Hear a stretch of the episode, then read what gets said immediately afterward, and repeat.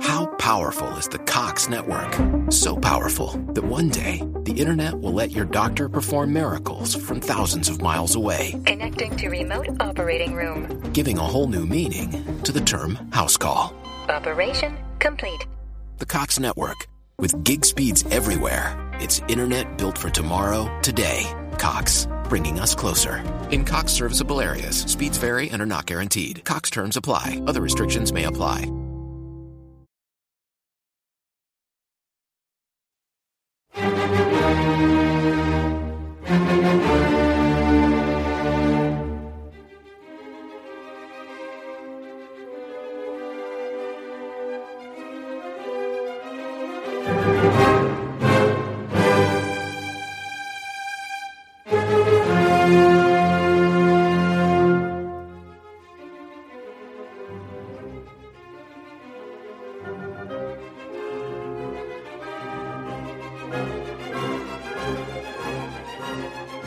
Välkommen till en ny vandring på gamla och nya stigar.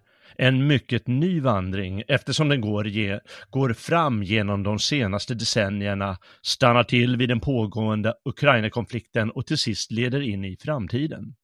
Rör vi oss in i en tid då den gamla sortens krig i Europa kommer tillbaka efter årtionden med kallt krig?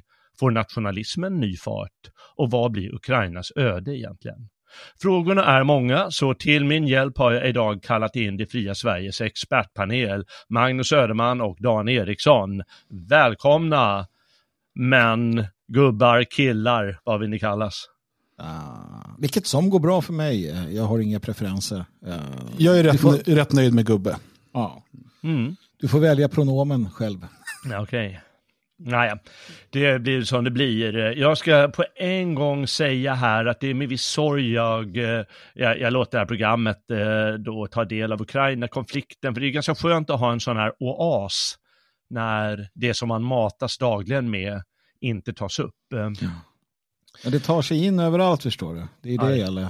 Den här, den här konflikten och det som händer nu i Europa och världen, det, det kommer att eh, påverka precis allt vi gör. Så också gamla och nya stigar. Mm. Jag är också övertygad om det.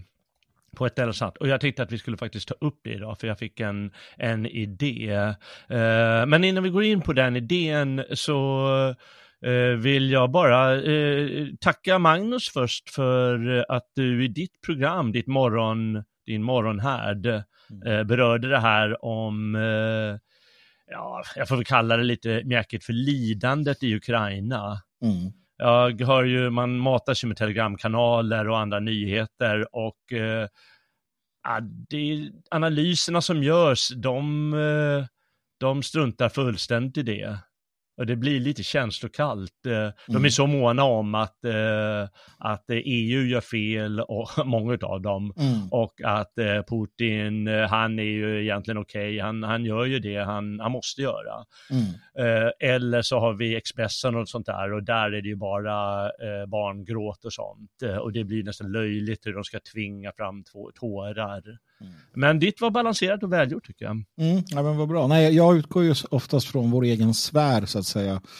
Uh, och jag noterade samma sak där, att alla var, helt plötsligt så var alla geopolitiska experter och analytiker och man, man valde då sidor, eller så var det ett, ett, ett, ett veritabelt uh, liksom runkande, ursäkta, men kring vapen och system och taktik och Eh, kniptångsmanövrar och liknande. Det där får mig lite, det gör mig beklämd för att eh, det, det som händer är ju faktiskt ett, ett lidande av, av enorma mått eh, som ligger väldigt nära oss och att, att det inte lyfts fram eller att man jag tycker inte om det. Det, det, säger, det. det, får mig att känna att vi är på väg eller vi riskerar att utvecklas till något vi inte är och det är ganska cyniska och, och sådär. Människor som bara tittar på någon, tror att vi tror att vi kan på något sätt eh, ja, men just den här biten med, med geopolitiken och sådär. Jag vet inte, jag, jag, ja, nej, jag kände att det var nödvändigt. Så. Men det finns ju två typer av människor där. Det finns ju dels de som kallas för MÖP, alltså militärt överintresserade personer som pratar mm. liksom truppförflyttningar och vilka vapen används och taktiker och bla bla bla. Och så finns det GÖP, geopolitiskt överintresserade ja. personer. Eh, som bara då pratar om ja, men det här stora schackbrädet av vem, liksom, vem får då kontroll över det här och vad är det med världsläget och sådär. Jag menar, båda de här sakerna är relevanta och intressanta, men om man mm. bara har det som fokus så tror jag att man missar mycket av liksom hela bilden och framförallt den mänskliga sidan som på något sätt ändå alltid är det viktigaste. Mm. Mm. Det jag reagerade över det var någon kanal eller någon eh, tidning eller någon vad som helst, eh, sån här blogg. Eh, då, liksom, Ukraina, det, man kan inte ens kalla det för ett land. De gick så långt mm. för att rättfärdiga eh, dels i viss mån rättfärdiga Putins agerande, men eh, framför allt då fördöma amerikanernas och EUs eh, och så agerande, vilket, med, med, vilket man gör med rätta, men man måste inse att när jag börjar spinna för långt på det här, då, då går jag nästan över en gräns. Ja, men sen, jag menar ju att det finns också en gräns som passeras när krig börjar. Vi kan, vi kan diskutera vem som gör rätt och fel. Ah, hur NATO har pressat fram det här, hur, hur maktkabalen i väst definitivt vill ha det här men också hur Ryssland har agerat och hur Putin i, i många år har, har arbetat. Men sen blir det krig och då mm. menar jag att någonstans så, så eh, man gör bäst i att lösa de här problemen eller lösa den här typen av saker på ritbordet eller genom andra metoder. För när kriget väl har börjat och liksom eh, krevaderna sliter sönder kroppar och, och söner dör både i, i, alltså på båda, båda hållen, då har du ju passerat det. Det spelar ingen roll längre. Det spelar ingen roll. Um, allt det här, alla de här liksom höga fina taktiken och vad som kommer sen. Nu är allt ute, nu är allt uppe för räkning. Allt är, det kan bli vad som helst. Va?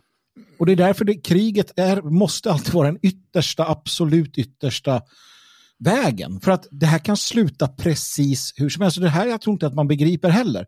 Alla, alla tänker nu, det är ett eller två. Det är antingen Ryssland eller, öst, eller väst som, som sådana sätt vinner. Men det behöver absolut inte bli så. Det kan bli för fan vad som helst. Va? Det är det jag, jag tycker att både MÖP och JÖP och alla bara missar. Att, att de tror att det finns någon, någon given utgång. Det gör det inte. Det här kommer ta slut. Men ingen av oss kan nog ens liksom börja fundera eller förstå hur det kommer ta slut och vad som kommer sen. Mm. Vi får se snart. Eh, I alla fall, eh, det är mycket, vad, vad, vad heter förkortningarna nu igen? MÖP är militärt överintresserad person. GÖP har jag hittat på själv, men det är geopolitiskt överintresserad person. Ja, ja, det, det, det är de då. Men eh, det finns ju även ETN, och eh, som kanske har en lite annan syn på saken, eh, nämligen Europa Terra Nostra. Och eh, är du ordförande där Dan? Ja, det är jag fortfarande ja. Uh, mm. Så att, uh, har inte blivit avsatt ännu. Nej, just det. Nej. Och eh, jag säger ju vi, för jag är ju medlem också, mm. har ju kommit ut med ett, eh, vad kallas det för, en deklaration. Ja, en deklaration, en kommuniké kanske. En kommuniké om vår ställning på saken. Och kan du berätta kort om den?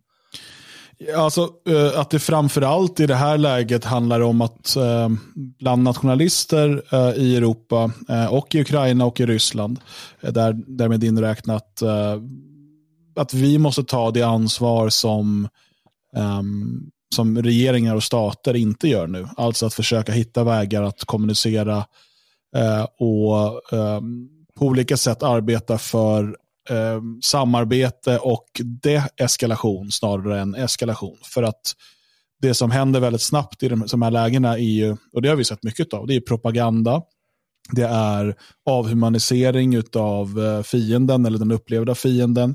Och propagandan går ju väldigt starkt nu både i väst och i öst, um, vilket gör att man kan slita upp Eh, oerhörda sår och, och eskalera den här konflikten till något ännu värre. Och när jag säger ännu värre så finns ju allt på bordet.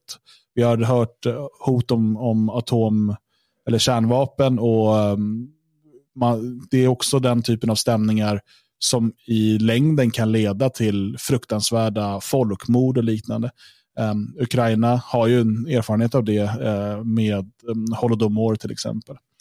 Um, så um, Eh, ett försök att eh, inte liksom nödvändigtvis ta någon ställning för sida A eller sida B i den här konflikten, utan ta en ställning för, eh, för fred eh, och för, ta en ställning för eh, att nationalister behöver, behöver kommunicera med varandra och inte låta sig bli schackpjäser eh, i, det här, i det här spelet. För det är också någonting som Eh, Magnus var inne på här och jag, jag menar också det att krig är lite grann att eh, korsa Rubicon. Du, det är lite som om man tar det en, en minimal skala i ett, ett förhållande när man, eh, man bråkar mycket men till slut så säger eller gör man någonting som inte går att ta tillbaka, som går över alla gränser. Eh, och då kan det vara, inte omöjligt, men åtminstone väldigt, väldigt svårt att lappa ihop det förhållandet. Och samma sak gäller förhållande mellan folk och regioner och så vidare. Eh, i, eh, om det här kriget får fortsätta och dessutom eskalera så kan vi hamna i en situation där många, många års arbete för en normalisering av relationerna mellan eh, väst och öst får sig en sån törn att vi kastas in i många decennier utav, eh, utav mörker. Ja, vi får se vart det leder. Det, det, dagens program tänkte jag skulle handla lite om, för uh, får vi återgå till min tes och då börjar jag med en enkel fråga där. När tog det kalla kriget slut? Eh. Ja, det är en bra fråga. Eftersom jag börjar prata så borde jag ha ett svar på den. Men jag kände direkt när jag tog till orda att det är lite svårt att, att definiera det. Alltså, någonstans så såg vi ju, eh, det är lite grann hur du definierar det, men, men om, man, om man tittar på det generellt sett så, så fick ju, gick ju Sovjet i, i krasch helt enkelt. Den där odugliga Jeltsin klev fram. Ja. Och, och faktum är att någonstans så vågar jag hävda att det som hände då, det är lite som Versailles-freden. Alltså det var en förnedring gentemot Ryssland i det att eh, det liksom domderades ganska mycket från, från västs håll och, och, Ryssland skulle direkt anamma, vilket man också gjorde i flera av de gamla satellitstaterna, eh, någon, form av liksom kapitalistisk ekonomi och eh, det tilläts bygga upp en oligarkklass och, och folket led eh, faktiskt väldigt mycket av detta. Mm. Sen kommer då Putin in och tar, tar över och, och styr upp och till en början är ju människor hoppfulla kring honom också. Men, men det visar sig att han äh, allt mer börjar arbeta för att liksom, återetablera en, en, en, en rysk, inte en kommunistisk, nej nej, äh, men någon form av rysk äh, liksom, Eh, imperium. Typ, så jag vet inte, tog det slut? Bytte det bara form kanske? Jag, jag vet inte hur man ska förklara det eller hur man ska tänka där. Kanske ni kan göra. Mm. Alltså, officiellt brukar man väl säga att det är typ Berlinmurens fall, men det tycker jag är naivt. Eh, det bytte skepnad möjligtvis, eh, men det är ju inte så att Ryssland och de forna sov som Sovjetstaterna på något sätt har, alltså de har varken liksom gått upp i en, vad ska man säga då, västeuropeisk, amerikansk, liberal hegemoni, eller eh, att det har kommit en ny gemensam världsordning som båda sidor har gått upp i. Utan eh, vi har ju snarare sett eh, att man har eh, fortsatt eh, åt lite olika håll. Mm. Uh, nej, men det, det är ju vettiga svar där med att det byter skepnad. För det vanliga som, som säger det, antingen med murens fall, vad är det, oktober 89 eller när uh, Sovjet så att säga lades ner, när, när det löstes upp, mm. vad är det, december 91. Eh, Eh, men eh, då eh, försökte jag tänka häromdagen att det hände faktiskt något, inte den 24 februari, utan den 25 februari på morgonen 2022, alltså för några dagar sedan. Då tog det kalla kriget slut. Mm -hmm. Berätta. Och uh, ja, men då grundar jag det på att uh, vi, vi får hålla oss till det europeiska perspektivet, för det är här, här som liksom efter andra världskriget som det uppstod då idén mm. om ett kallt krig mm. mellan stormakterna och Europa ligger mittemellan USA och uh, Sovjetunionen då.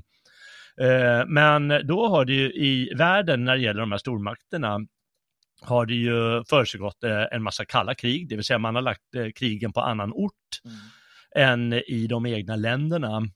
Eh, men eh, nu, vad som skedde den 25, det var att eh, från att eh, hålla på med den här Donbassregionen så gjorde de en fullskalig invasion, får man se det som, av Ukraina även om syftet bara är, även om syftet inte är att underlägga sig hela landet, så gjorde man det. Och eh, det, var, det, är, om inte hjärtat av Europa, så är det ändå i, i det här Europa som vi har försökt vara måna om och garantera någon sorts fred länge. Mm. Och eh, då har det övergått, då har det blivit ett hett krig i Europa. Mm.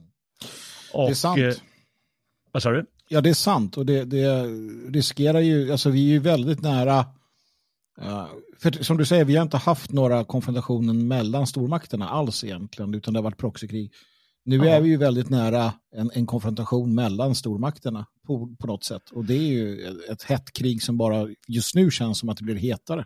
Ja, verkligen. NATO-länderna de har ju visat ett, eh, vad ska jag säga, ett självklart stöd. Om man jämför då med de här eh, gamla kriserna eh, 56 och 68 i Ungern och eh, Tjeckoslovakien när Sovjetunionen helt enkelt rullade in tanksen mm. och sa att här ska, ja, men här ska det inte ändras någonting då var det ju inte så att NATO visade ett självklart stöd för de här länderna och skickade vapen och grejer. Mm. Det skulle inte komma på fråga. Nej. För man respekterade, man, då sa den, det var liksom legitimt för Sovjet att göra så. Mm. Helt enkelt. Eh, nu har man sagt att det inte är legitimt för eh, eh, Ryssland att eh, genomföra en sån här fullskalig invasion. Mm. Och då har man valt att till och med lilla Sverige som är neutralt skickar vapen mm. till ukrainarna. Och eh, då, då, kan man inte säga annat än att Europa har liksom gått från ett kallt eh, krig till ett, en het krigssituation. Och det tror jag också kommer ändra väldigt mycket av vad man får kalla en, en inte världsordning, men liksom en ordning om hur man legitimerar eh, styret och konflikter i världen. Mm.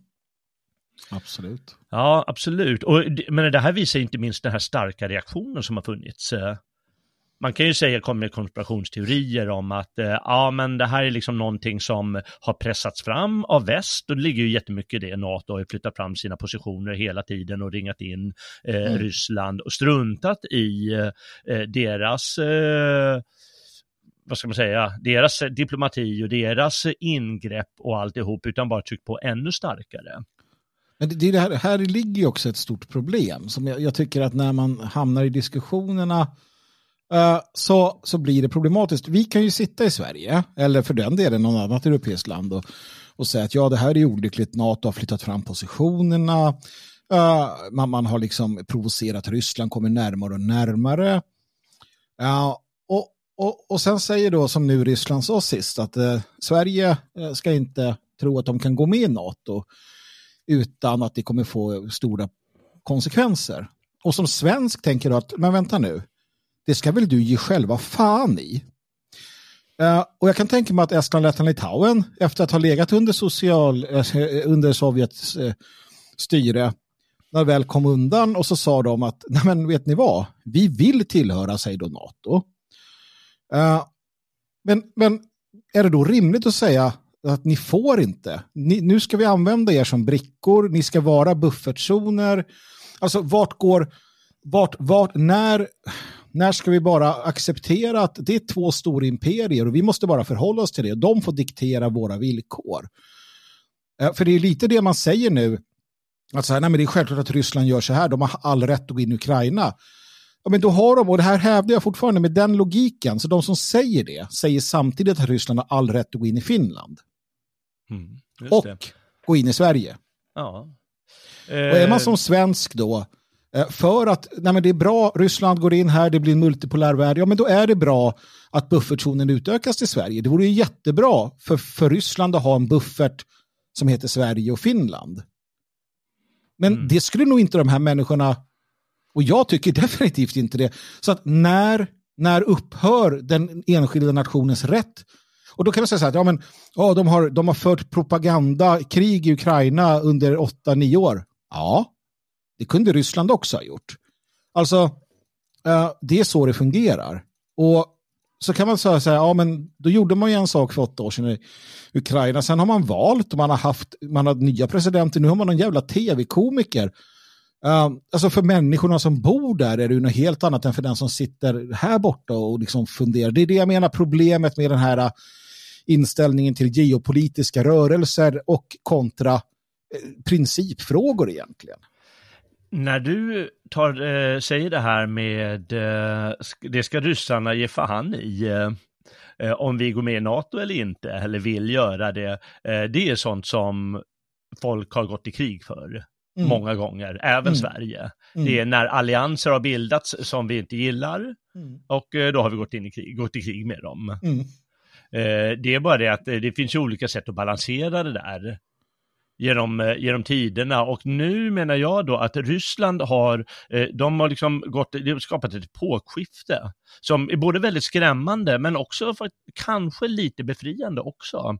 genom att liksom starta det här heta kriget i Europa där nya spelregler, eller snarare gamla spelregler mm. blir aktuella igen. Och det är faktiskt spelregler som, som geopolitiker och statsvetare så har kritiserat, inte minst USAs senaste eh, 20-30 års politik för.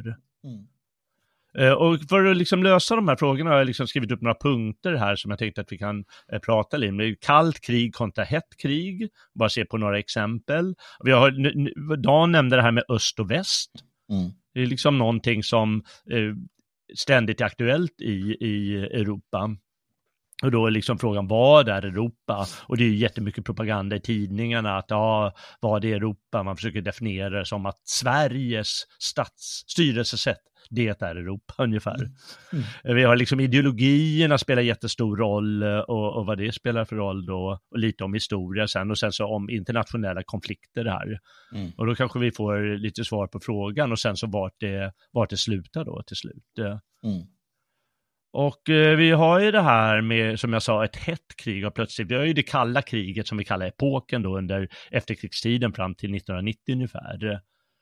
Där Korea, Vietnam och Afghanistan, det är de stora grejerna. Och Afghanistan, det, det gränsar ju för sig till eh, Ryssland, men det var ju fortfarande så att de konfronterades aldrig, utan bara i hemlighet så att säga, med citationstecken, så, så skickade amerikanerna mycket vapen till afghanerna. Så alla ja, de här var ju proxykrig eller vad man ska kalla det för. Vi kommer ihåg, bara så, vi kommer ihåg det i Afghanistan, det var ju då som CIA eh, grundade al-Qaida och finansierade al-Qaida och mm. utbildade imamerna. Alltså de, det var ju USA eh, som skapade den radikala islamism som sedermera har plågat eh, Västeuropa eller ja, världen på, sina, på sitt sätt. Mm. Det, det, det är en skapelse CIA för att man ville få Mujahedin att slåss mot Sovjet. Det, det är så, så jävla nesligt alltså. Ja, men det är ju sånt som det här, det är liksom historiska processer som mm. man inte kan rå för. Mm. Som man, aj, aj, hur kunde man göra så? Men det var ingen som kunde tänka det i förhand riktigt, att det skulle bli mm. så illa. Ja, och vi sa ju där, Ungern och Tjeckoslovakien, det var ju liksom legitimt för ryssarna att bara gå in och, och slå ner de där mm. konflikterna. Men sen har vi efter 1990, då har vi alltså Jugoslavien, mm. och det är faktiskt inbördeskrig. Mm. Och det är ju inte att ett land angriper ett annat, så det är fortfarande kallt krig även om man stöttar den ena eller andra parten. Mm. Och vi har Ukraina-konflikterna som är begränsade, vi har Krim och eh, Donbass och det är ju liksom, det är ju mest ryssar som finns där. Och då ser man lite legitimt att ryssarna, ja, de liksom tar hand om sina intressen. Och Afghanistan i Amerika, det var liksom vedergällning för attackerna mot eh, Eh, vad heter det, World Trade Center och hela de här Mellanöstern-debaclet med Irak och Syrien och Libyen, det är ju proxykrig som amerikanerna drivit för att installera demokratier eller något sånt där. Mm. Framförallt kunna Eh, kontrollera naturtillgångar såklart. Vi har gaslinjen ja. Ja. från Qatar. Man vill dra genom Syrien och sådär. Precis. Jag tycker, Ryssland... får bara säga det, jugoslaviska krigen, eh, det är ju flera eh, krig där, men framförallt har vi ju den Kosovo-kriget i slutet av 90-talet. Mm. Där NATO ju faktiskt inter, intervenerar, som det så fint heter, NATO-interventionen där som i mars, när man väljer att börja bomba eh, Serbien. Uh, och uh, Belgrad bland annat. Då. Uh, och då ställer upp på albanernas sida för att då Kosovo ska kunna bli en, en muslimsk stat i Europa. Um, mm. Det är ju, för mig är det, det finns många likheter här med den um, förevändning som Ryssland använder i, i Ukraina. Um, vi vet också att i det här läget fick ju Serbien uh, både um, moraliskt men även uh, en del annat stöd uh, utav Ryssland um, i, i den här konflikten. Så det var ju en typ av, absolut det var ett, ett, uh, ett, ett, in, alltså ett inbördeskrig som hade legat och liksom bubblat under lång tid. men det var också ett proxykrig och det var också liksom, som det utsides um, inblandning i form av framförallt NATO, men även Ryssland var ju med på ett hörn där. Mm. Men det var väl mest FN-trupper eller? Alltså på marken? Ja, och, och flygbombningarna skötte... Och sen flygbomben var NATO? Ja. Ja. ja en annan aspekt jag bara vill lägga in i det här, mm. uh, det är att alltså, många tenderar ju att se Ryssland som de som har trängts tillbaka och så. Och det, det, det är ju så, så är det ju efter Sovjets fall och så där, den forna mm. storheten och så. Mm. Jag bara tänker, och just att, att USA har agerat, eh, invaderat, proxykrigen bombat till demokrati och så. Eh, det intressanta är att om du tittar på doktriner, mm. eh, vad de drivs av, så jag vågar hävda att enda orsaken till att Ryssland inte har gjort det är att de inte haft kraft. De har inte mm. haft råd. Uh, och, och, Det här tror jag att många har en skev syn på. Vi vet att Sovjet var väldigt duktiga på att försöka påverka naturligtvis sina fiendeländer. Alltså man hade man, alltså människ, människorättsorganisationer och medborgarrörelsen och allt möjligt i USA till exempel. Vi har hört nu att, att Ryssland ska ha påverkat eh, miljörörelsen i Europa. Jag är helt säker på att det är sant. Eh, för att de är lika goda kolsupare. Man har i grund och botten en, en doktrin, en imperialistisk imperiebyggardoktrin som, som man har agerat efter. Skillnaden är att Ryssland inte har kunnat det, för man har inte haft råd, man har haft för mycket hemmavid, man har haft osäkert ledarskap, medan det liberala väst har kunnat fokusera all sin, eh, sitt, sitt välstånd på det. Jag vet Dan, du har varit inne mycket på det här att synen skiljer sig mellan att man använder media och påverkar värderingar medan Ryssland är lite grann kvar i might is right. Mm. Uh, men men, men det, det bygger nog mest på att man inte haft möjlighet helt enkelt. För att tidigare så har man definitivt agerat på alla möjliga sätt, uh, båda delarna. Det är intressant. Ja, där har du ju också eh, det här ständiga tjatet i västmedia om att saker är ryska påverkansoperationer. Mm. Mycket av det skulle jag säga är en typ av projicering. Eh, det stämmer, mm. alltså det, absolut, Ryssland lägger sig i och liksom finansierar saker och de eh, liksom, såklart ligger det i deras intresse på ett sätt att, att det är kaos och eh, oordning i väst. Eh, för att det gör ju dem relativt starkare. Men det finns också där, det finns en typ av projicering från västmakterna för att mm. när vi vet hur vi, inom cita, ja, stora citationstecken, um, hur vi arbetar i öst och i Mellanöstern och så vidare. Mm. Uh, så är det just påverkansoperationer som är vårt modus operandi. Mm. Jag tycker för övrigt att eh, hur mycket man än eh, ser att ryssarna skulle ha påverkat eller någonting, våra situationer här, så är det ju ändå så att alla krig som eh, västländerna har fört har legitimerats i media. Mm. Till och med sån, eh, eh, eh, sånt som byggt på lögner eh, av, eh, angående Iraks eh, så kallade weapons of mass destruction. Mm. Som bara var taget, som bara var lögn givetvis. Mm så är det ändå så att det legitimeras i media och eh, lösenordet är givetvis liberal demokrati. Mm. Ja, och vi ska komma in på det snart, eh, tänkte jag. Ja, men det, det, det, är bra, bra påpekat där, för det är viktigt att komma ihåg. Det finns en, ja, det finns en samstämmighet. Man, man kan vara i luven på varandra en hel del, men det, det ser vi ju om inte annat nu.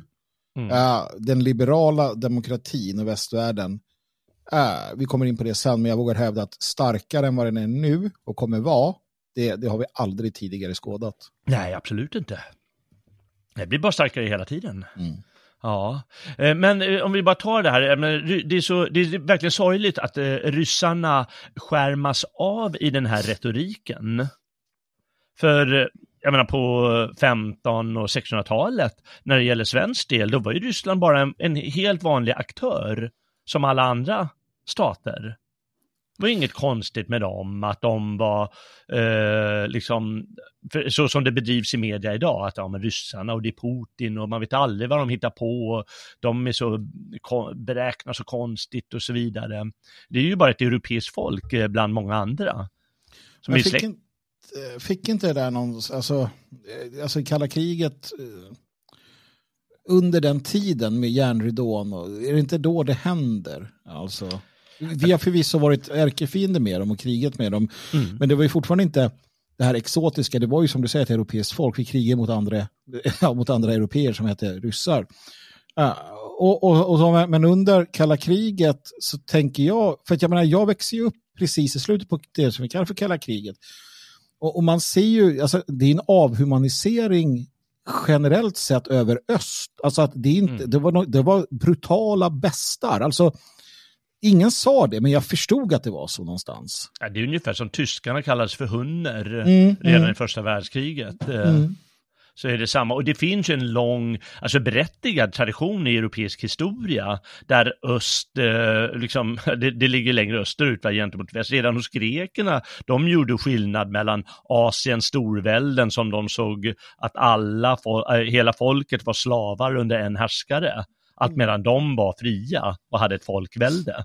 Mm spelar ingen roll om de hade kungar, de hade samtidigt eh, eh, som, vad heter det, eh, folkförsamlingar. Ja. Som hade, och sen så har vi att Ryssland det var avskärmat på grund av mongolerna i ett par hundra år, mm. par hundra fram till 1500-talet och det återigen blev en normal eh, aktör på den europeiska arenan.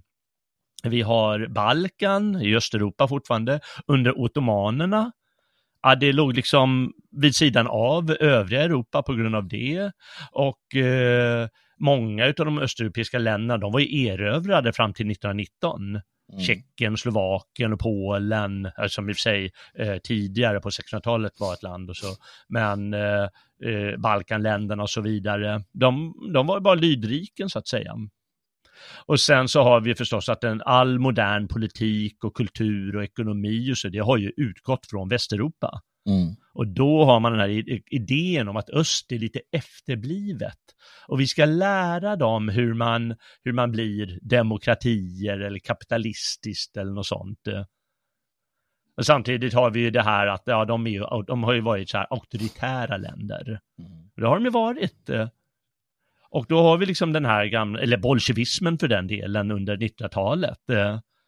Och då har vi den här, inte demoniseringen, men liksom att de är så annorlunda som används i informationskriget. Men frågan då måste jag ställa, du är ju litteratur, litteraturgubbe, mm. Jalle. Mm.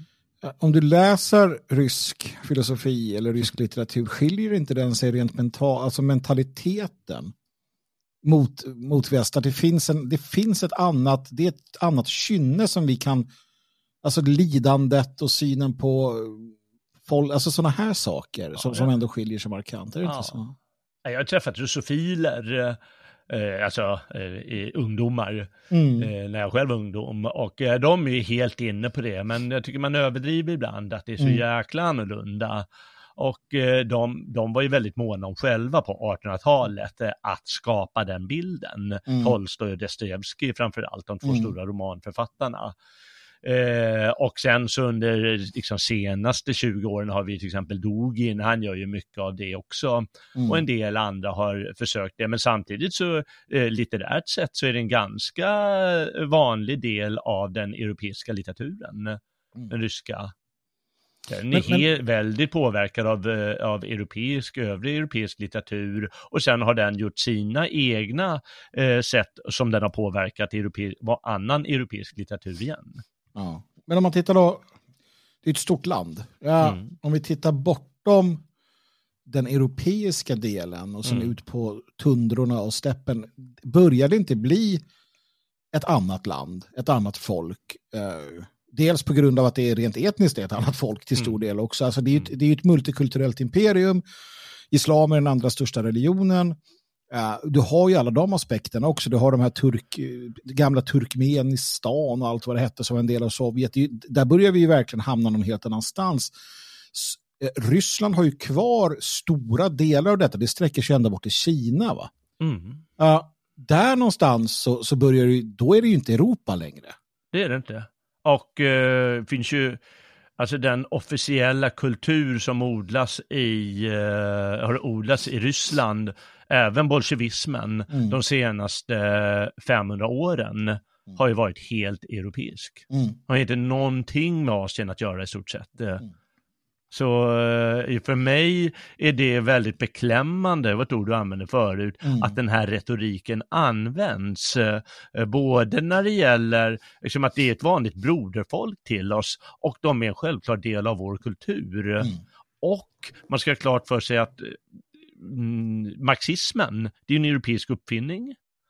Eh, vi har de här auktoritära staterna, ja det är en del av europeisk historia. Så försöket att liksom skil, åtskilja det är väldigt olyckligt, eh, tycker jag. Vän av ordning skulle ju kunna vilja dra upp den judiska komponenten i allt du kallar för europeiskt. Men mm. det är ju inget tal om att de judar som till exempel har varit viktiga för marxismen eh, har verkat i och vuxit upp i Europa. Så att mm. Jag ger dig, jag ger dig rätt ändå, Jalle. ja, nej, men det är väl klart att det finns alla möjliga inslag eh, eh och, och, nyanser av det hela, men eh, vi, vi, vi, vi får vara lite svepande idag. Med ja, men det är inte, det är inte Jusche, det är inte kommunist, alltså det är inte kinesisk kommunist, det är inte mongol chauvinism, det är inte Genghis khan, eh, hans geopolitiska... Liksom, Jag tror att det var eh, kenyanska tänkare. Ja, precis. Nej, men, så att, ja, det är klart att det finns en, en naturlig... Men ja, återigen, jag tror att själva det att, att landet är så himla stort och, och det är någonstans bortom Sankt Petersburg så blir det skrämmande. Det blir läskigt för den europeiska människan. Vad är det som finns där? Man frontar, man frontar den här europeiska... Eh, liksom det som vi känner igen oss. Men sen helt plötsligt så står du och blickar in i mongolhorderna som kommer. Ja. Tjetjenska, 10 000 tjetjenska soldater som bara dundrar in. ja. Då är det inte så europeiskt längre. Då, då, känner du att vad är det här för land? Jag tror att det finns någonting där mm. som skrämmer oss, Jalle. Vi blir rädda. Det är obehagligt, det är okänt. Ja, det är spännande om inte annat eh, och framför allt jag menar, i, fler, i flera hundra år, åtminstone de senaste två, tre hundra åren, kanske 400 år nästan, då har man ju sökt efter möjligheter att bedriva en fungerande handel med de mindre delarna av Ryssland, mm. där det finns väldigt mycket naturtillgångar. Mm. Och det är hitta vattenvägar, järnvägar, eh, industrialisering, eh, skapa eh, fabriker eller vad som helst. Det, det liksom en, har varit en process i väldigt lång tid, att där finns det saker att exploatera. Mm. Ja, men vi har ju det här med Europa och eh, jag menar Europa, det, det frågar om sig tidningarna och jag vet inte om ni läste den här eh, artikeln i Svenska Dagbladet som skickade till er av någon Lisa Irenius. Jag har eh, skummat igenom den, absolut. Ja. ja, och det är ju en sån typisk artikel som går ut på att skilja eh, delarna av Europa åt. Mm. Ryssland och det hon kallar det, nästan det egentliga Europa. Hon använder inte det ordet. Eh, men då söker hon lite, vad är det som, som gör Europa till Europa? Och då hittar hon det i det mest löjeväckande av allting, eftersom hon inte ser längre tillbaka än hundra år i tiden. Det är den europeiska värdegemenskapen, och så citerar jag här, mm. att sammanhållningen inte ligger i gränserna, utan i uppslutningen bakom ett knippen, knippe värderingar. Respekt för människans värdighet, frihet, demokrati och rättsstaten? Alltså, nu, vi var inne på det här med vad som är europeiska uppfinningar och så vidare och alla de där sakerna kan man säga är, europeiska uppfinningar. Mm. Um, och det är någonting som jag skulle säga liksom genomsyrar uh, Europa och europeer. Uh, men att det skulle vara det som avgör huruvida man är europeer eller inte, det, det är ju bara larvigt. Jag, det är ju samma som när man hör ibland den, den brittiska debatten eh, under Brexit-kampanjandet. Eh, då var det som att Europe var, liksom, det var någonting som var frånskilt från Storbritannien och vi andra är liksom, vi är europe, alltså de europeer, vi är britter. Eh, men eh, alltså den, de, den, de brittiska öarna tillhör ju också Europa. Och mm så, att det, det, är klart, det är som, som med så mycket annat, när, när frågan är så här, vem är svensk? Eh, det finns ju jättemånga liksom, komponenter i det. Du har liksom, um, och det är samma sak med europe. Du, du, kan prata om etnicitet, du kan prata om liksom, eh, geografi, du kan prata om eh, liksom språk, du kan prata om värderingar. alla de här sakerna och, och på något sätt hänger de ihop. Men det är inte så att du slutar vara europe för att du har en annan syn på demokrati och rättsstaten till exempel. Att det, det är inte där, det som är den avgörande biten. Däremot så är det, jag skulle säga att det är typiskt för Europa och europeer att eh, vilja ha en, en fungerande rättsstat, eh, tro, alltså respekt för människans värdighet och så vidare. Det här som hon talar om.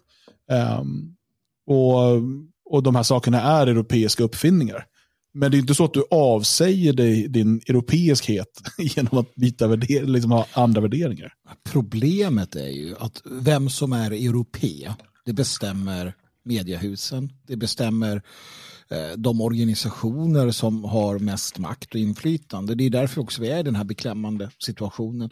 I det att äh, ras äh, och äh, kultur har spolats ner och att överstatliga Eh, företag, överstatliga politiska sammanslutningar eh, och liksom ideologikok, ihopkokare har bestämt det. Att eh, det vi ser nu, eh, för att återgå till det, är ju att deras Europa, alltså EU eh, med NATO-anslutning som grundas på liberala, eh, och då menar jag inte klassiskt liberala John Locke-värderingar utan den, den här nya tidens liberalism eller liberala vänsterliberala i princip. Va?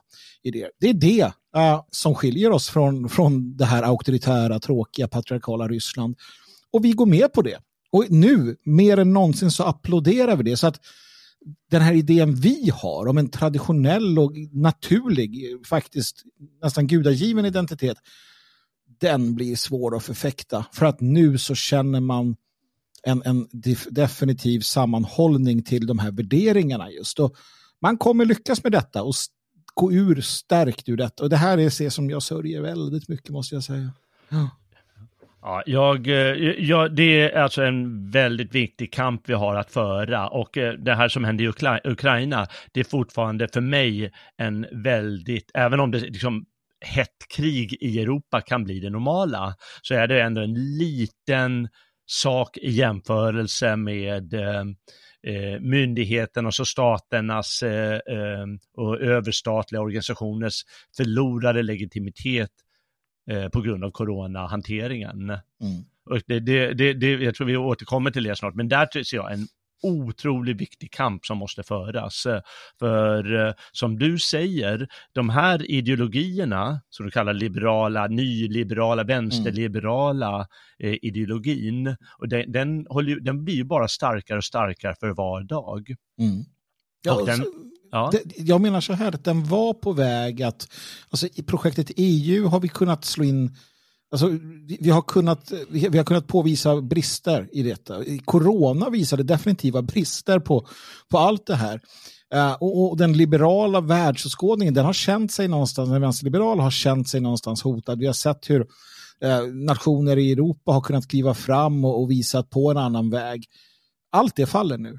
Tack Putin, va? allt det här faller nu. Uh, och, och det är det som du säger, det är så viktigt att vi att vi håller fast och att vi är de här besvärliga typerna som, som fortsätter att påvisa.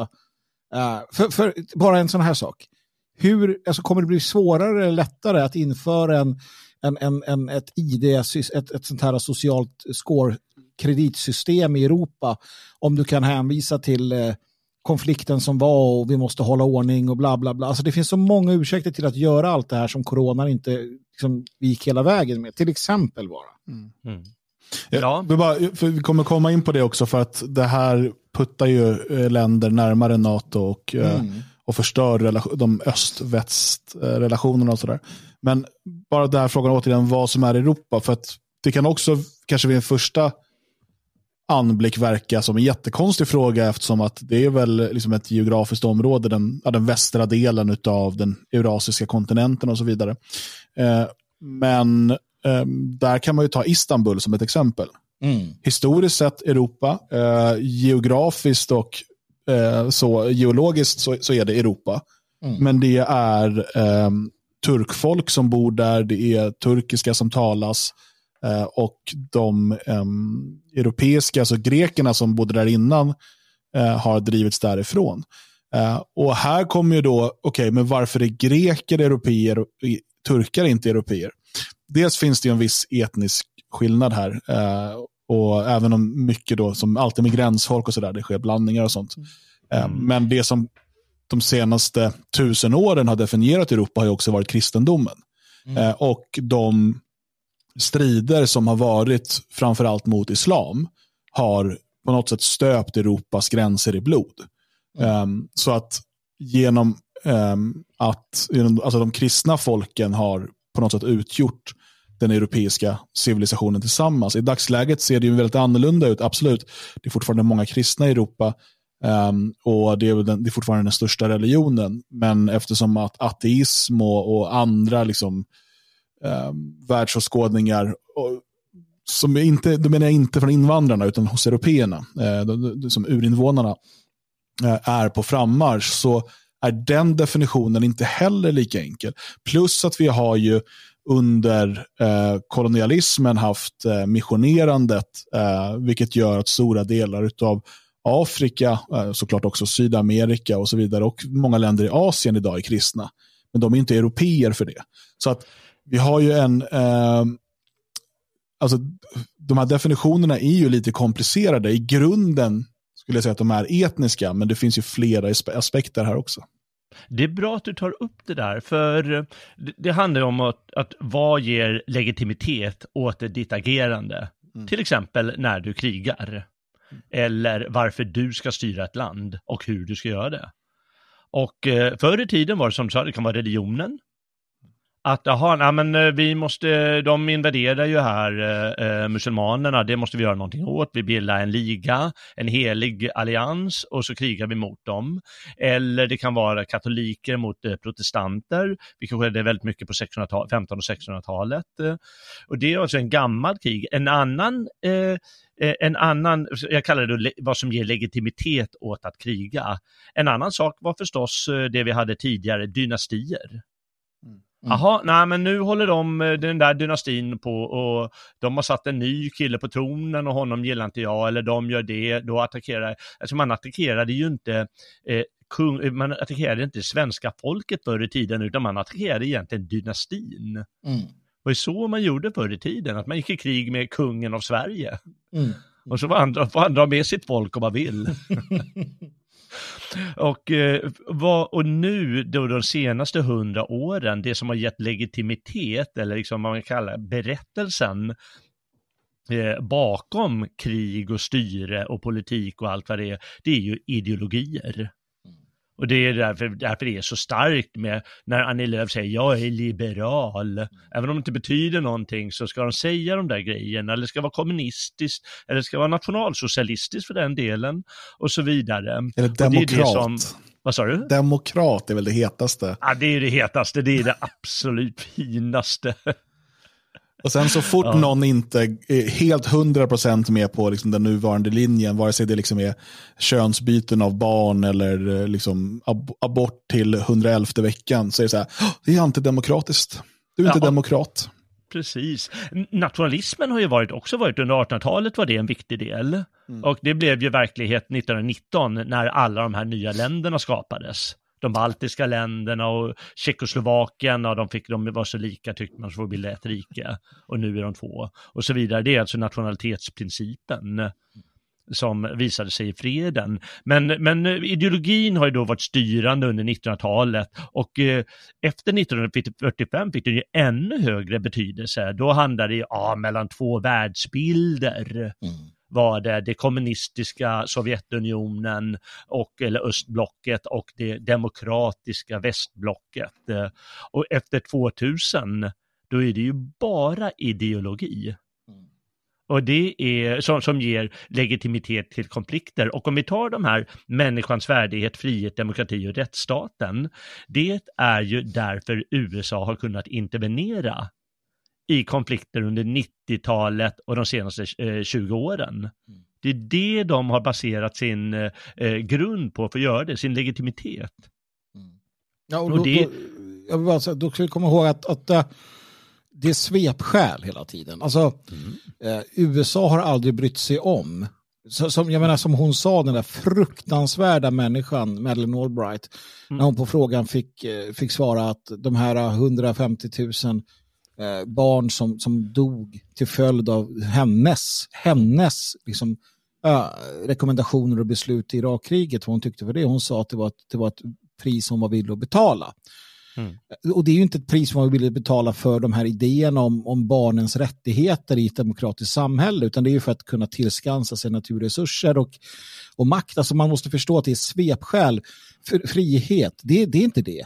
Brödraskap, det är inte det. Eller broderskap, det är inte det. Liksom solidaritet, nej, det skiter de fullständigt i. Man måste verkligen förstå att det är bara svepskäl. Annars blir det obegripligt hur man kan bomba civil, civilbefolkningen till underkastelse för den liberala demokratin. För det är inte det man gör. Man bombar dem till underkastelse för den ekonomiska och militära bla bla bla maktsfär man, man tillhör. Så mm. är det. Bra att du säger så. Um, alltså det så gjorde man förr i tiden. Man kom med svepskäl pris. Men inte lika mycket. Det är det som är bedrägligt med den här ideologiskt styrda världen, att man kommer med svepskäl. För det är väldigt mycket luft bakom de här orden. Ta den politiska friheten i Sverige. Jag menar, hur stor är den för, för dig, Dan, egentligen? Ja, den är större än vad den hade varit i Ryssland. ja, det, okay, den är större, ja. ja Men absolut, nej, det, den, är, den är inskränkt, det måste man ju säga. Den är inskränkt. Ja, det är otroligt. Man kan gå, man kan gå till val var fjärde år. Mm. Och sen kan man inte göra mycket mer. Du kanske ska få in en insändare i tidningen eller något. Mm. Ja, det är klart att man har lite mer rättigheter och så, men alltså vi, vi, vi målar upp det som att vi har så fantastiskt. Men nu, nu med corona så menar jag att rättsstaten har visat sig vara eh, eh fullständigt falsk i, i Sverige och Tyskland och så mm. vidare. Mm. För vi har, vi, vi, man kör ju över oss fullständigt, folket. Mm. Det bara tom retorik då. Och eh, får man aldrig glömma att eh, eh, kommunister menar att eh, kommunism, det skapar fred, frihet, jämlikhet och välstånd. Mm. Och det är precis vad Annie Lööf säger om liberalismen. Mm. Och det jävligaste här, det är att i alla fall utifrån mitt perspektiv, vårt perspektiv, så, så höll vi på. Alltså det, det, vi var det var långt kvar, men det fanns en att det började, det började väckas en misstänksamhet, ett missnöje mot den liberala världsordningen, mot hur det såg ut i politiker-Sverige. Det, det, det, var så. Och jag säger var, för efter det här så är vi tillbaka 20 år.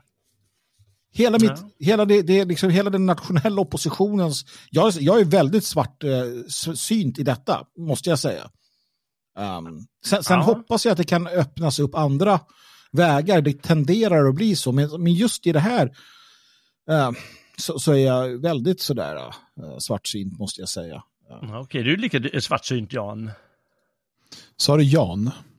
Jag, jag, skulle säga Dan, men det blev Jan. Det blev, det blev lite så ryskt. Det är mitt ryska namn. Ja. Han får inte vara det. Det räcker med att jag är det. Nej, det är väl inte, men jag märker ju Eh, med, med Europa Terra Nostra um, så har vi ju, framförallt fram till hela den här coronagrejen, för det, det har ju förändrats så mycket i hur det, vad som har att göra, men vi har ju fått till en hel del bra samtal och även mellan eh, ryssar och ukrainare.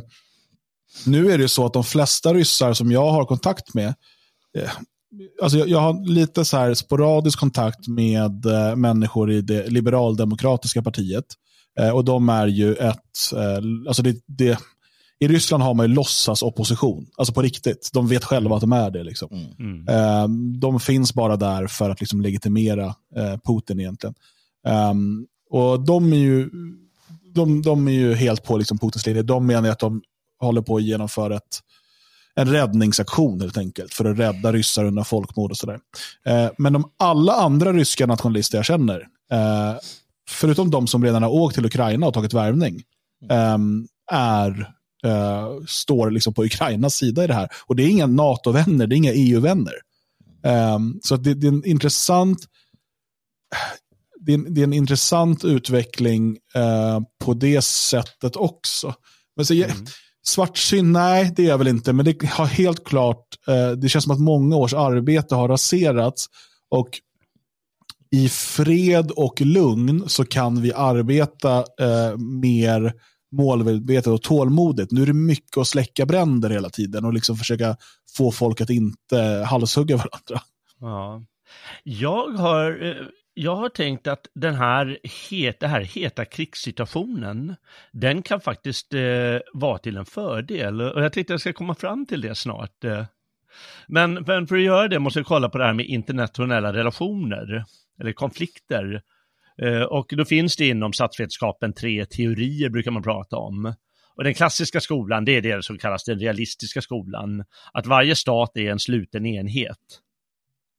Eh, och det råder anarki mellan dem eftersom det inte finns någon, det finns ingen gud eller övergripande makt som kan liksom gå in utan de liksom studsar mot varandra och slukar varandra och eh, eftersom sånt sker så brukar det bli att staterna söker någon sorts maktbalans. Och det är därför vi tycker det är så konstigt, ja men du har ju erövrat hela landet och sen i freden, då får de behålla allting utom det här lilla hörnet ungefär. Mm. Men det är för att de andra staterna säger, ja men det kan du inte göra förstås, för man måste bevara maktbalansen. Och ibland så händer det att någonting styckas eh, helt och hållet. Eh, men, eh, men det är en klassisk skola. Men sen så finns det en då som kallas liberal skola.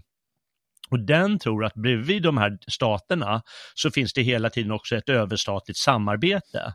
Handelsorganisationer, FN nu för tiden, eller bara den globala ekonomin. Och med hjälp av demokratiska regimer tror de att man kan begränsa konflikter.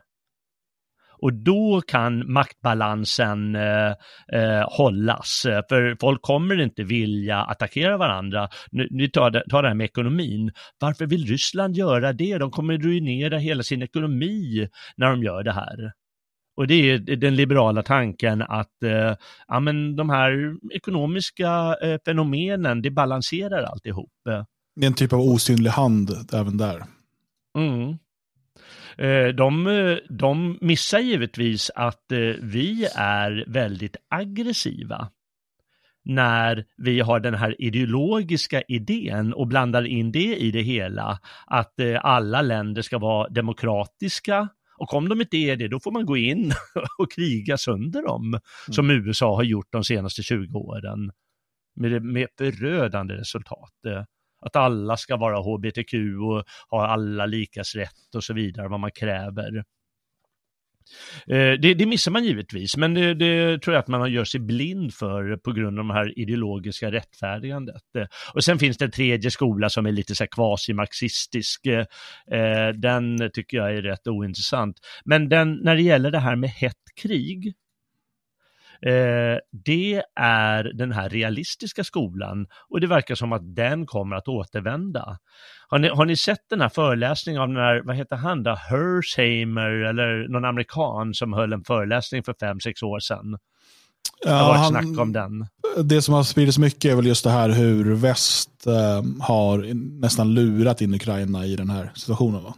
Ja, just det, det är en lång, eh, precis, han håller en föreläsning och hur man har flyttat fram positionerna hela tiden. Mm. Och han är en, han tillhör den här realistiska skolan. Med de här amerikanska neocons och många andra, allt som vi ser i EU, allt som vi ser i tidningarna, det tillhör den här liberala skolan. Mm. Och den är så bedräglig, för den säger att eh, eh, ja men vi vill ju bara väl. Ändå ska vi tvinga på andra vårt styrelsesätt och våra norm, politiska normer och grejer. Mm. Och vår ekonomi givetvis också.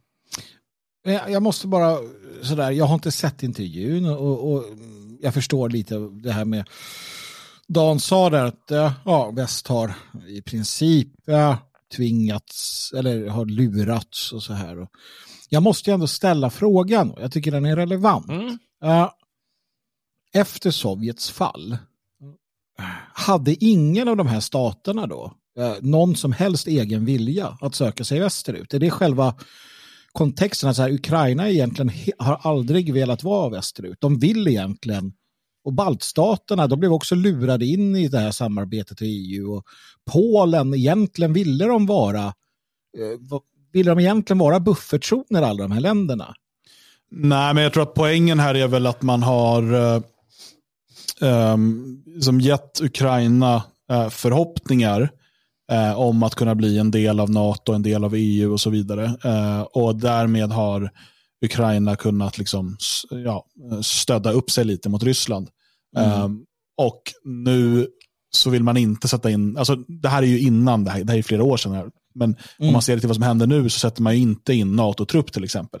Um, mm. Man är ju inte medlemmar utan nu står man där ensamma. Nu får vi se, nu har ju alla skickat vapen och, och mm. man inför sanktioner och så vidare, så helt ensamma står man ju inte. Men um, beroende på hur, hur det här utvecklas i fortsättningen. Så det är väl lite det, det som är, utan ja. det kan ju absolut, alltså, det var ju helt naturligt för baltstaterna och Polen och så vidare att söka sig västerut. Mm. Um, för att man inte ville hamna tillbaka under Sovjet. Uh, man, det fanns också betydligt fler morötter där i form av ekonomiskt stöd och så vidare. Um, så det är inga, inga konstigheter egentligen, utan det har ju varit en, en egen vilja. Mm. Ukraina är ju lite mellanbarnet. Ja, nej, för det är också en sån där aspekt. Man säger ja, det var en färgrevolution. Ja, väst var definitivt inblandade i, i när den forna ledaren i, för åtta år sedan eller vad det var, så att säga störtades. Men då måste man ju ställa sig frågan, om nu Ukraina egentligen, om Ukraina egentligen inte ville det, de blev lurade, eh, alltså det här, det var en färgrevolution. Vi har ju inte sett särskilt stort eh, motstånd mot den färgrevolutionen. Det är som att man så här, någonstans är det som att man behandlar så här, ukrainare är generellt ganska dumma i huvudet. De förstår inte sitt eget bästa. De förstår absolut inte geopolitik. Eh, de trodde att NATO skulle komma till dem trots att de inte var medlemmar. Och när väst störtade deras förra president som de egentligen ville ha, förutom de här dumma som gjorde själva grejen i städerna, så har de ändå inte vågat säga någonting jag tycker att man ska tillskriva folken lite mer så här att de kanske inte ville ha den Fast det tror jag inte är poängen i uh, Nej, nej, nej, jag har gått ifrån det. Jag har gått ifrån ja. det. Ja, ja, ja, nej, nu rent generellt så här. Um... För att svara på din fråga, Magnus, så är det ju, uh, det, är, är det ju så att man, man behandlar dem som ett barn. Mm. Uh, dels är det ju ett barn eftersom det är en helt ung statsbildning. Mm från, från eh, vad är det, 93 eller när skapades det, mm. uh, Ukraina eller uh, ble, blev oavhängigt så att säga.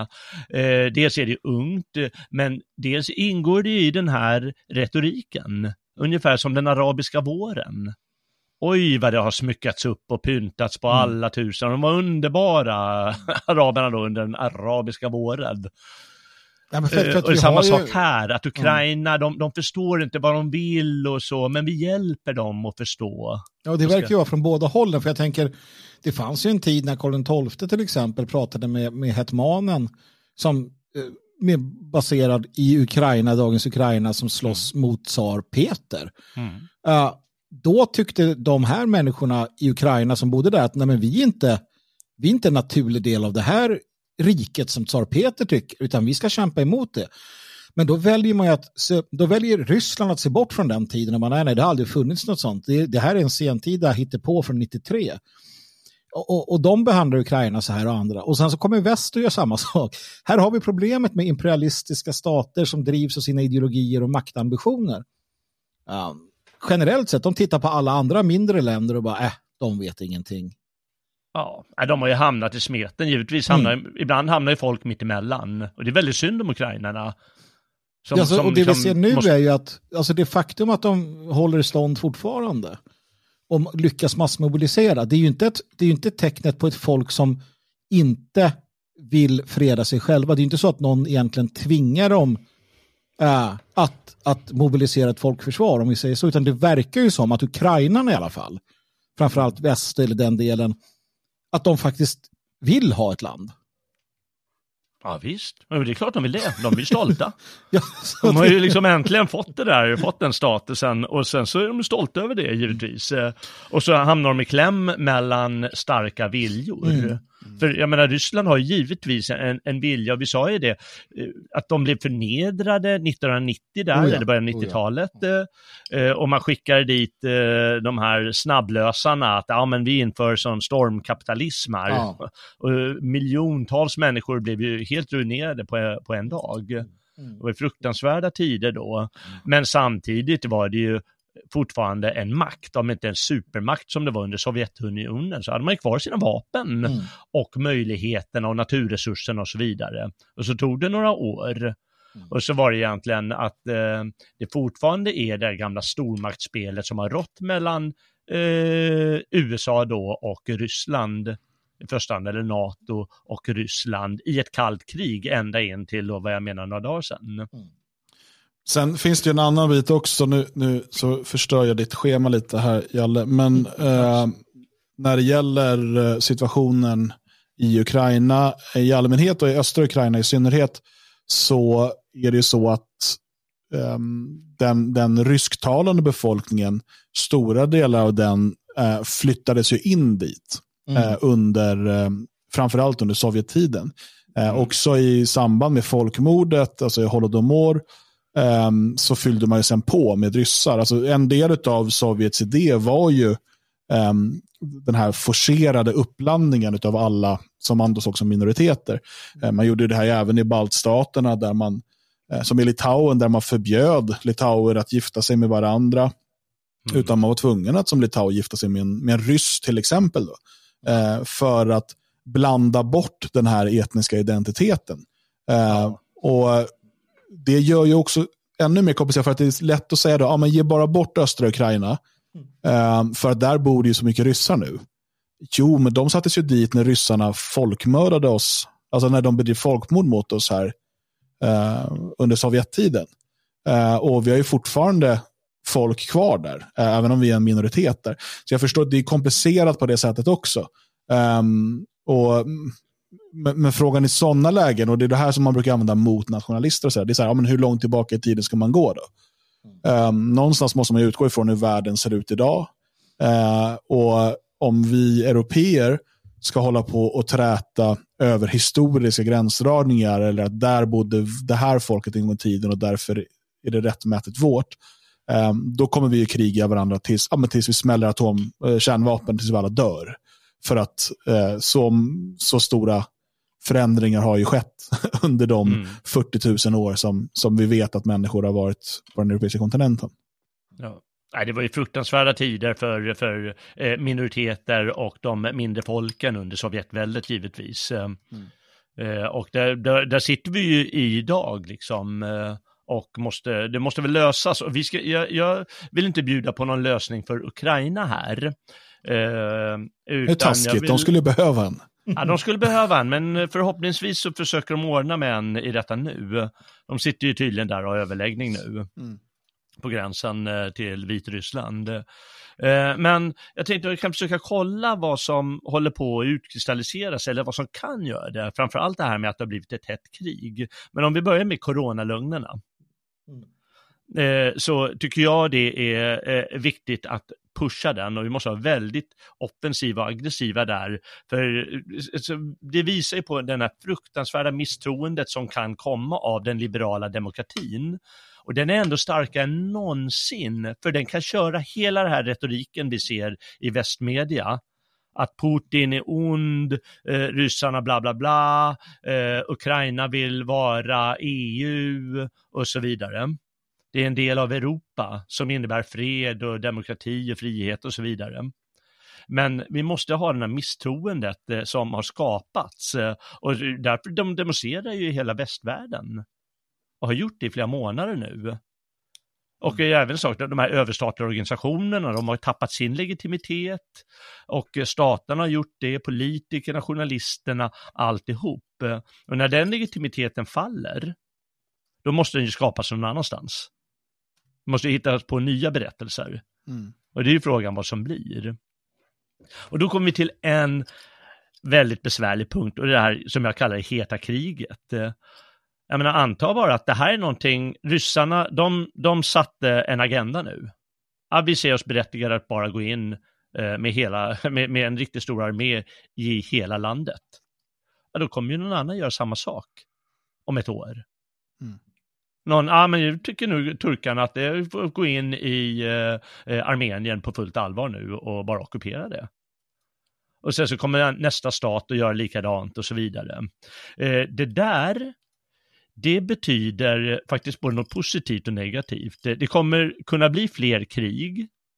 Och om vi bortser från kärnvapen för tillfället, så kommer de kommer behöva lösa konflikterna på ett annat sätt än via det här, ja vi snackar FN, ja, FN lyder under USA men nu också över Kina, eh, under Kina.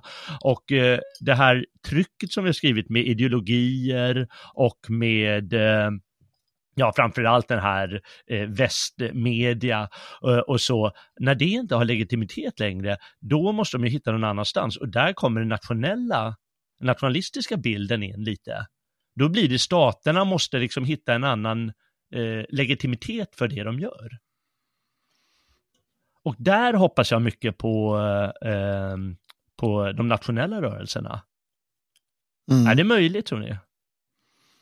Det låter som lite grann att man hoppas på att slänga ner massa kemiska material i provrör och att det ska bli guld. ja, det kan ske. Kom, jag menar att det kan komma automatiskt. Eh, eh ta Putins nazi, naziretorik. Mm. Den skrattar vi åt allihopa. Mm. Vi tycker den är jättelöjlig. Mm. Men precis samma sak gör vi. Mm. Vi säger det hela tiden. Men den är ju lika löjlig. För egentligen har den ingen legitimitet. Så vi måste hitta andra skäl att, eh, vi måste skapa andra berättelser.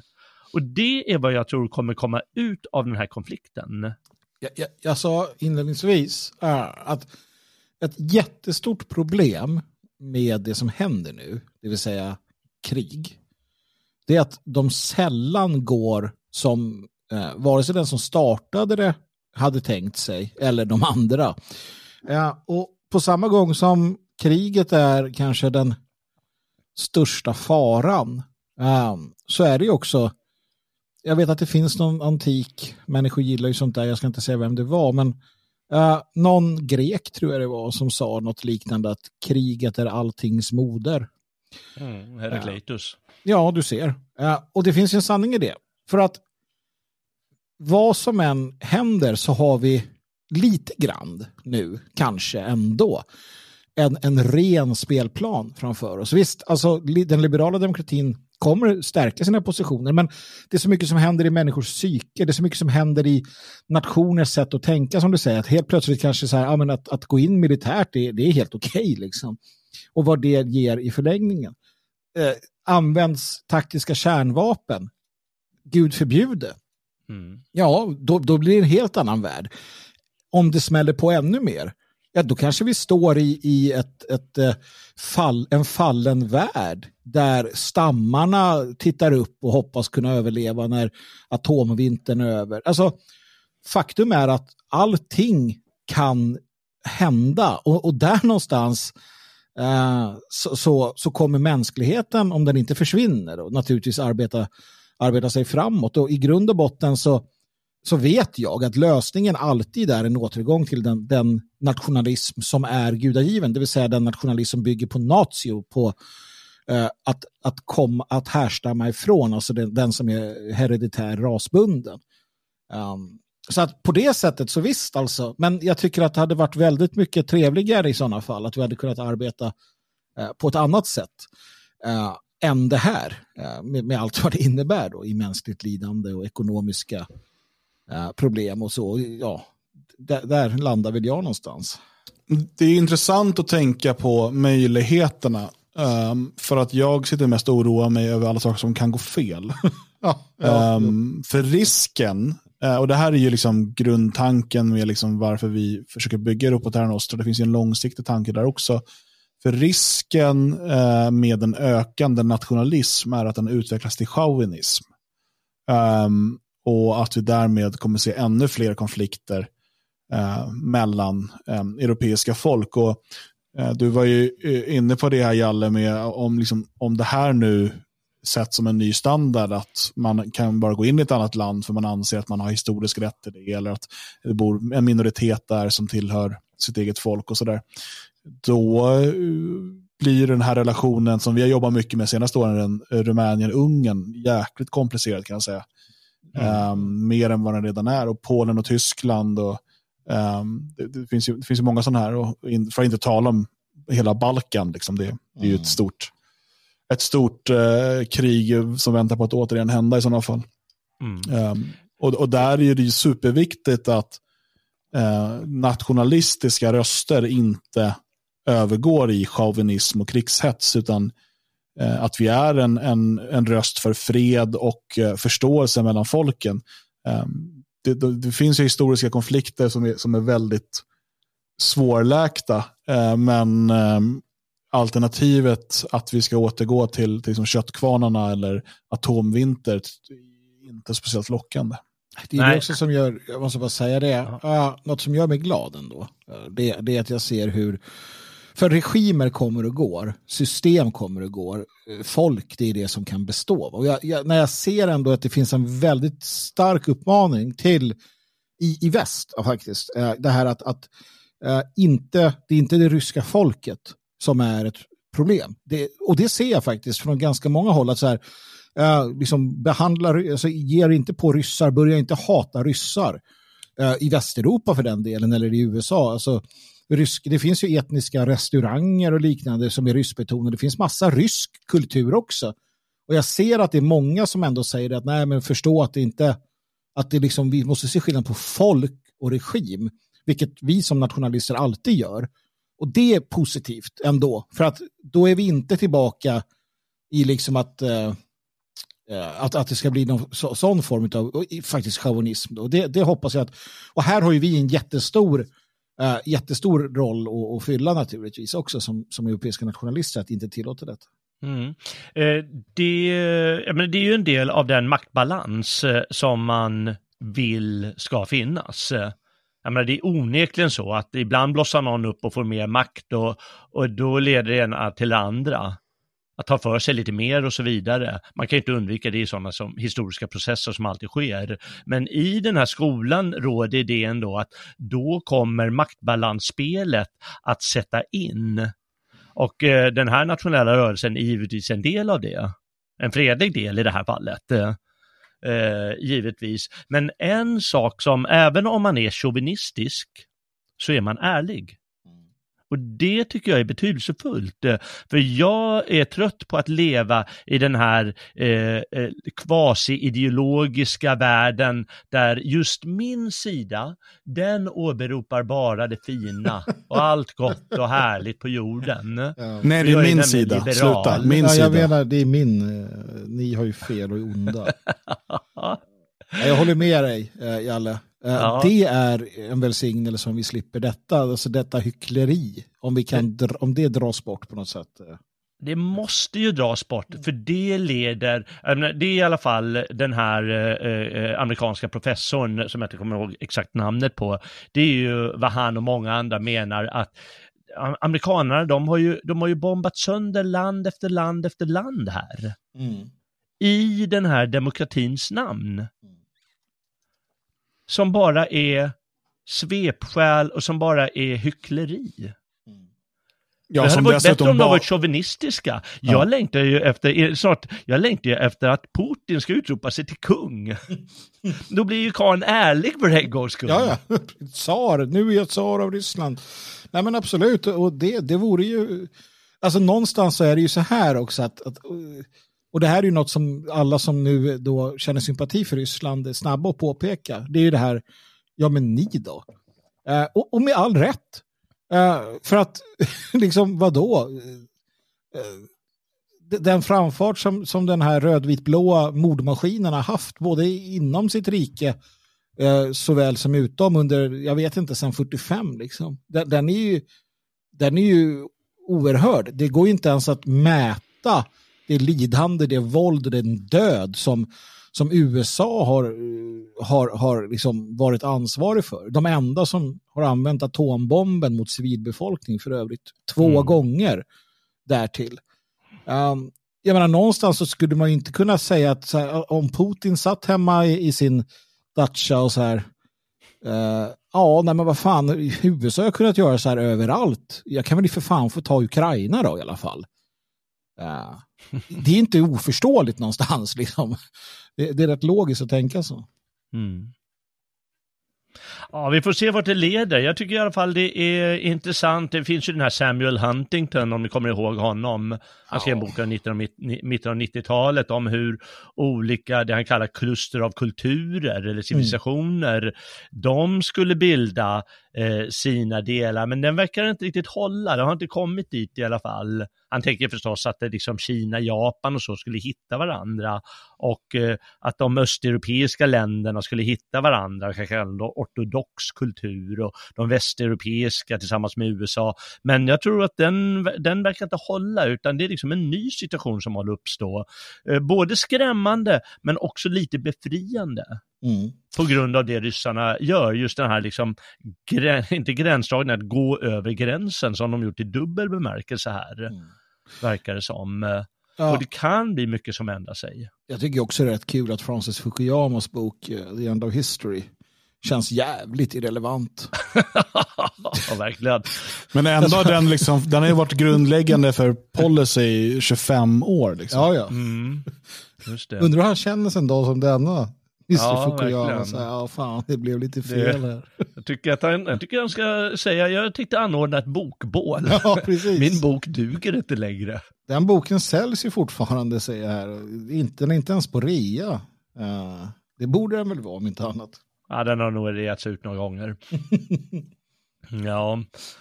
Nej, det är väldigt sorgligt för ukrainarna. Eh, jag kan bara hoppas att det kan bli en, en lösning nu under dagarna.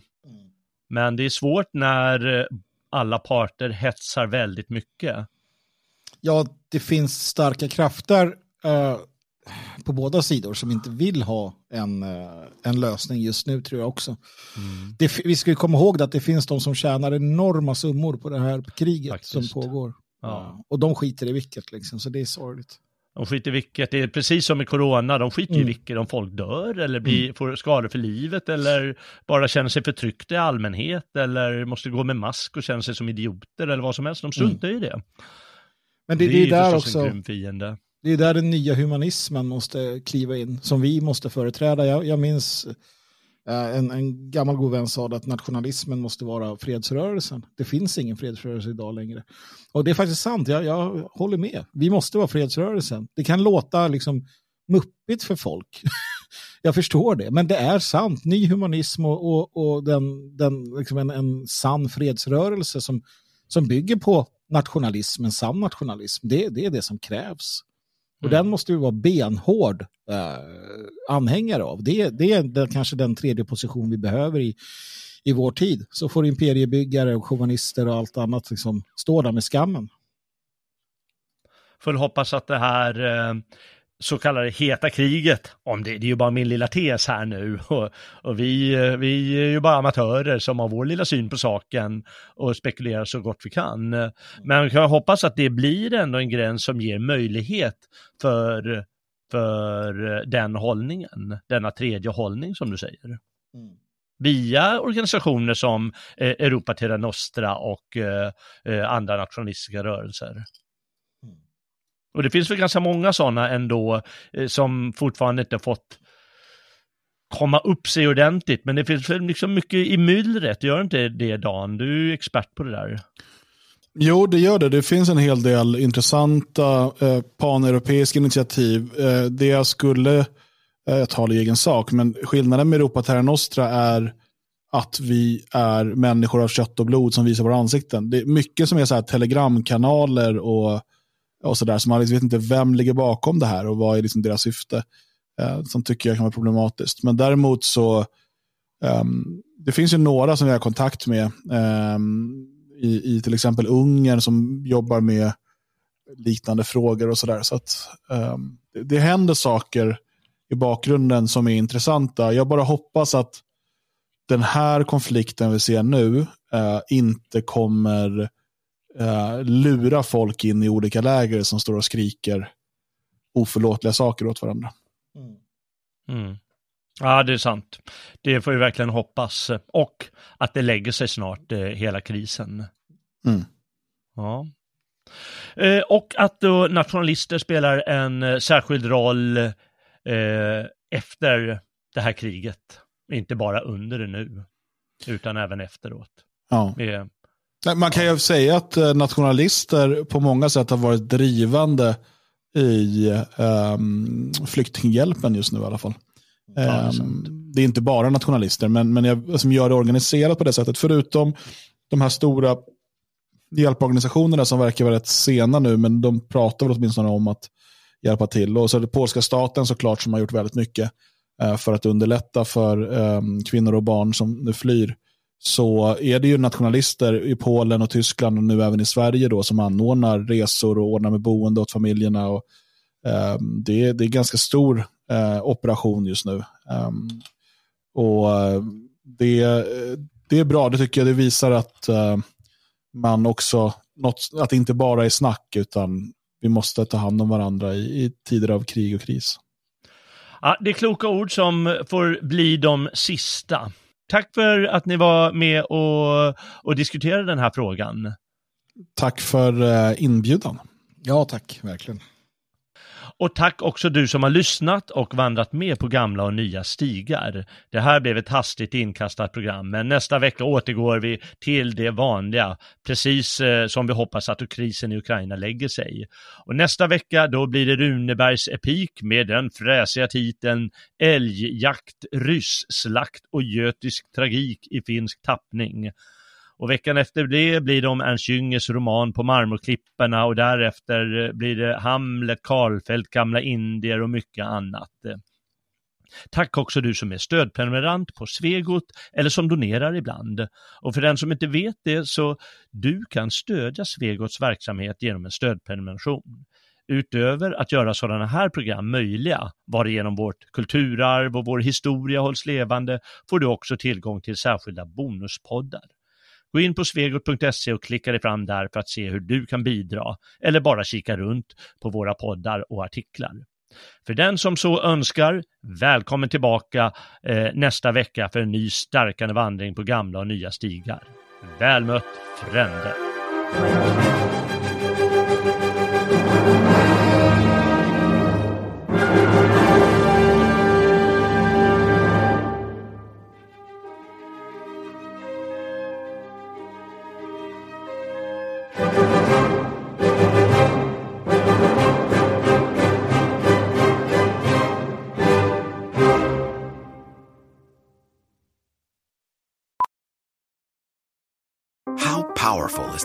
Network?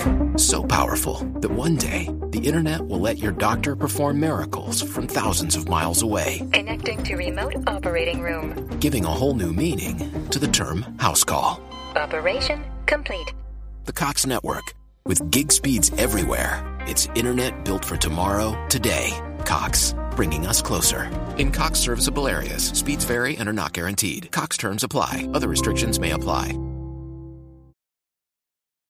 92% of households that join Peloton early in the year are still active a year later. Because of cycling? We also have a treadmill and Peloton Guide. Guide? The thing that counts your reps? Yeah, it turns your TV into an AI powered personal trainer.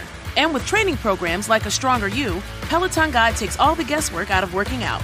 92% stick with it. So can you. Try Peloton Tread, Guide, or Bikes risk free with a 30 day home trial. New members only, not available in remote locations. See additional terms at onepeloton.ca slash home dash trial.